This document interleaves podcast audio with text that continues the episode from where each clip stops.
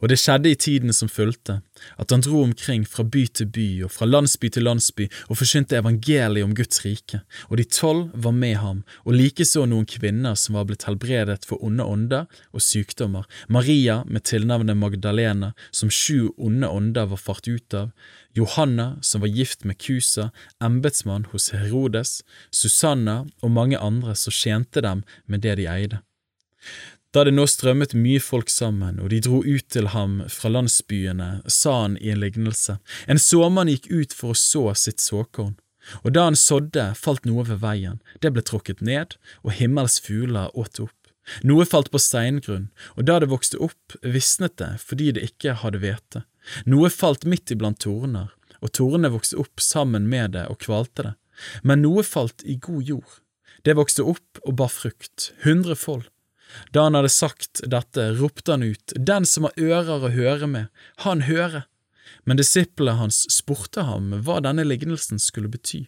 Han sa da, Dere er det gitt å kjenne Guds rikes mysterier, men til de andre gis de lignelser, for at de skal se og ikke skjelne, og høre og ikke forstå. Men dette er lignelsen, såkornet er Guds ord. De ved veien er de som hører, men så kommer djevelen og tar ordet bort fra deres hjerte, for at de ikke skal tro og bli frelst.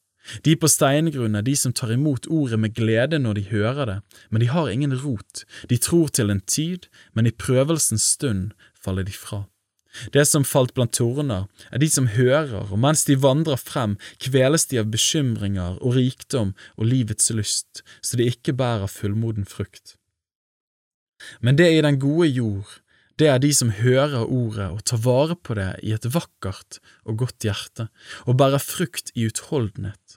Ingen tenner et lys og skjuler det med et kar eller setter det under en seng, han setter det i lysestaken, for at de som kommer inn, skal se lyset. For ingenting er skjult som ikke skal bli åpenbart, heller ikke er noe gjemt uten at det skal bli kjent og komme for dagen. Se derfor til hvordan dere hører, for den som har, til ham skal det bli gitt, men den som ikke har, skal bli fratatt selv det han syns å ha. Hans mor og hans brødre kom til ham, men de kunne ikke nå fram til ham for folket. Noen sa da til ham, Din mor og dine brødre står utenfor og vil gjerne få se deg. Men han svarte og sa til dem, Min mor og mine brødre, det er de som hører Guds ord og gjør etter det.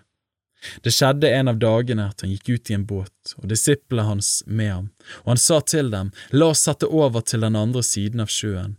De la da ut fra land. Mens de seilte, sovnet han. Da slo en kastevind ned på sjøen, båten holdt på å fylles, og de var i fare. De gikk da bortil og vekket ham og sa, Mester, mester, vi går under. Men han sto opp og truet veden og bølgene, og de la seg, og det ble blikk stille. Han sa til dem, Hvor er deres tro? Men de var slått av frykt og undret seg og sa til hverandre, Hvem er denne, som endog befaler over vedene og vannet, og de adlyder ham? Så seilte de inn til Gerasenerlandet, som ligger rett overfor Galilea. Da han var steget i land, kom det imot ham en mann der fra byen. Han var besatt av onde ånder. I lengre tid hadde han ikke hatt klær på seg. Han bodde ikke i hus, men holdt til i gravene. Han satte i et skrik da han fikk se Jesus. Han falt ned for ham og ropte med høy røst, Hva har jeg med deg å gjøre, Jesus, du den høyestes, Guds sønn, jeg ber deg, pin meg ikke. For han befalte den urene ånden å fare ut av mannen. I lange tider hadde den hatt tak på ham. Han hadde vært under bevoktning, bundet med lenker og fotjern, men han hadde sprengt lenkene, og den onde ånden hadde drevet ham ut i ørkenen. Jesus spurte ham, Hva er ditt navn? Han svarte legion, for mange onde ånder var fart inn i ham, og de ba ham at han ikke skulle befale dem å fare ned i avgrunnen. Men der i fjellet gikk det en stor svineflokk og beitet, og åndene ba ham om at han skulle la dem fare inn i svinet, og det tillot han dem.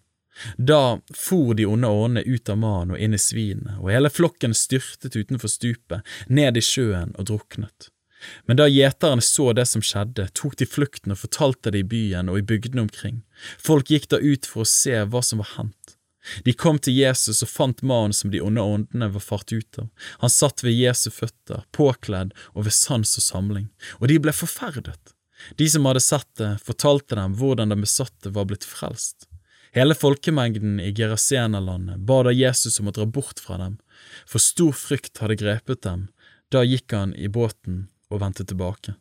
Mannen som de onde åndene var fart ut av, ba om å få være med ham, men Jesus sendte ham bort og sa, Gå hjem til ditt hus og fortell alt det Gud har gjort imot deg.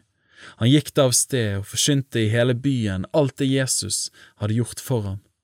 Da Jesus kom tilbake, tok folk imot ham, for alle ventet på ham. Og se, det kom en mann som het Jairus, som var forstander for synagogen. Han falt ned for Jesus' føtter og ba ham om å komme hjem til sitt hus for han hadde en eneste datter som var omkring tolv år gammel, og hun lå for døden. Men da han gikk av sted, trengte folkemengden seg inn på ham, og det var en kvinne som hadde hatt blødninger i tolv år. Hun hadde brukt til leger alt det hun skulle leve av, men kunne ikke bli helbredet av noen. Hun kom nå bakfra og rørte ved minnedusken på kappen hans, og straks stanset blødningen, og Jesus sa, Hvem var det som rørte ved meg? Men da alle nektet, sa Peter og de som var med ham, Mester, folkemengden trykker og trenger deg jo. Men Jesus sa, Noen rørte ved meg, for jeg kjente at en kraft gikk ut fra meg. Da når kvinnen så at det ikke var skjult, kom hun skjelvende fram. Hun falt ned for ham, og mens alle hørte på, fortalte hun hvorfor hun hadde rørt ved ham, og hvordan hun straks var blitt helbredet. Han sa til henne, Datter, din tro har frelst deg, gå bort i fred. Mens han ennå talte, kom en fra synagogeforstanderens hus og sa, Din datter er død, umak ikke mesteren mer. Men Jesus hørte det og sa til ham, Frykt ikke, bare tro, så skal hun bli frelst. Da han gikk inn i huset, lot han ingen bli med seg inn uten Peter, Johannes og Jakob og barnets far og mor. Alle gråt og jamret over henne, men han sa, Gråt ikke, hun er ikke død, hun sover. Og de lo av ham, for de visste at hun var død. Men han tok henne ved hånden og ropte, Barn, stå opp! Og hennes ånd vendte tilbake. Hun reiste seg straks opp, og Jesus bød dem gi henne noe å spise.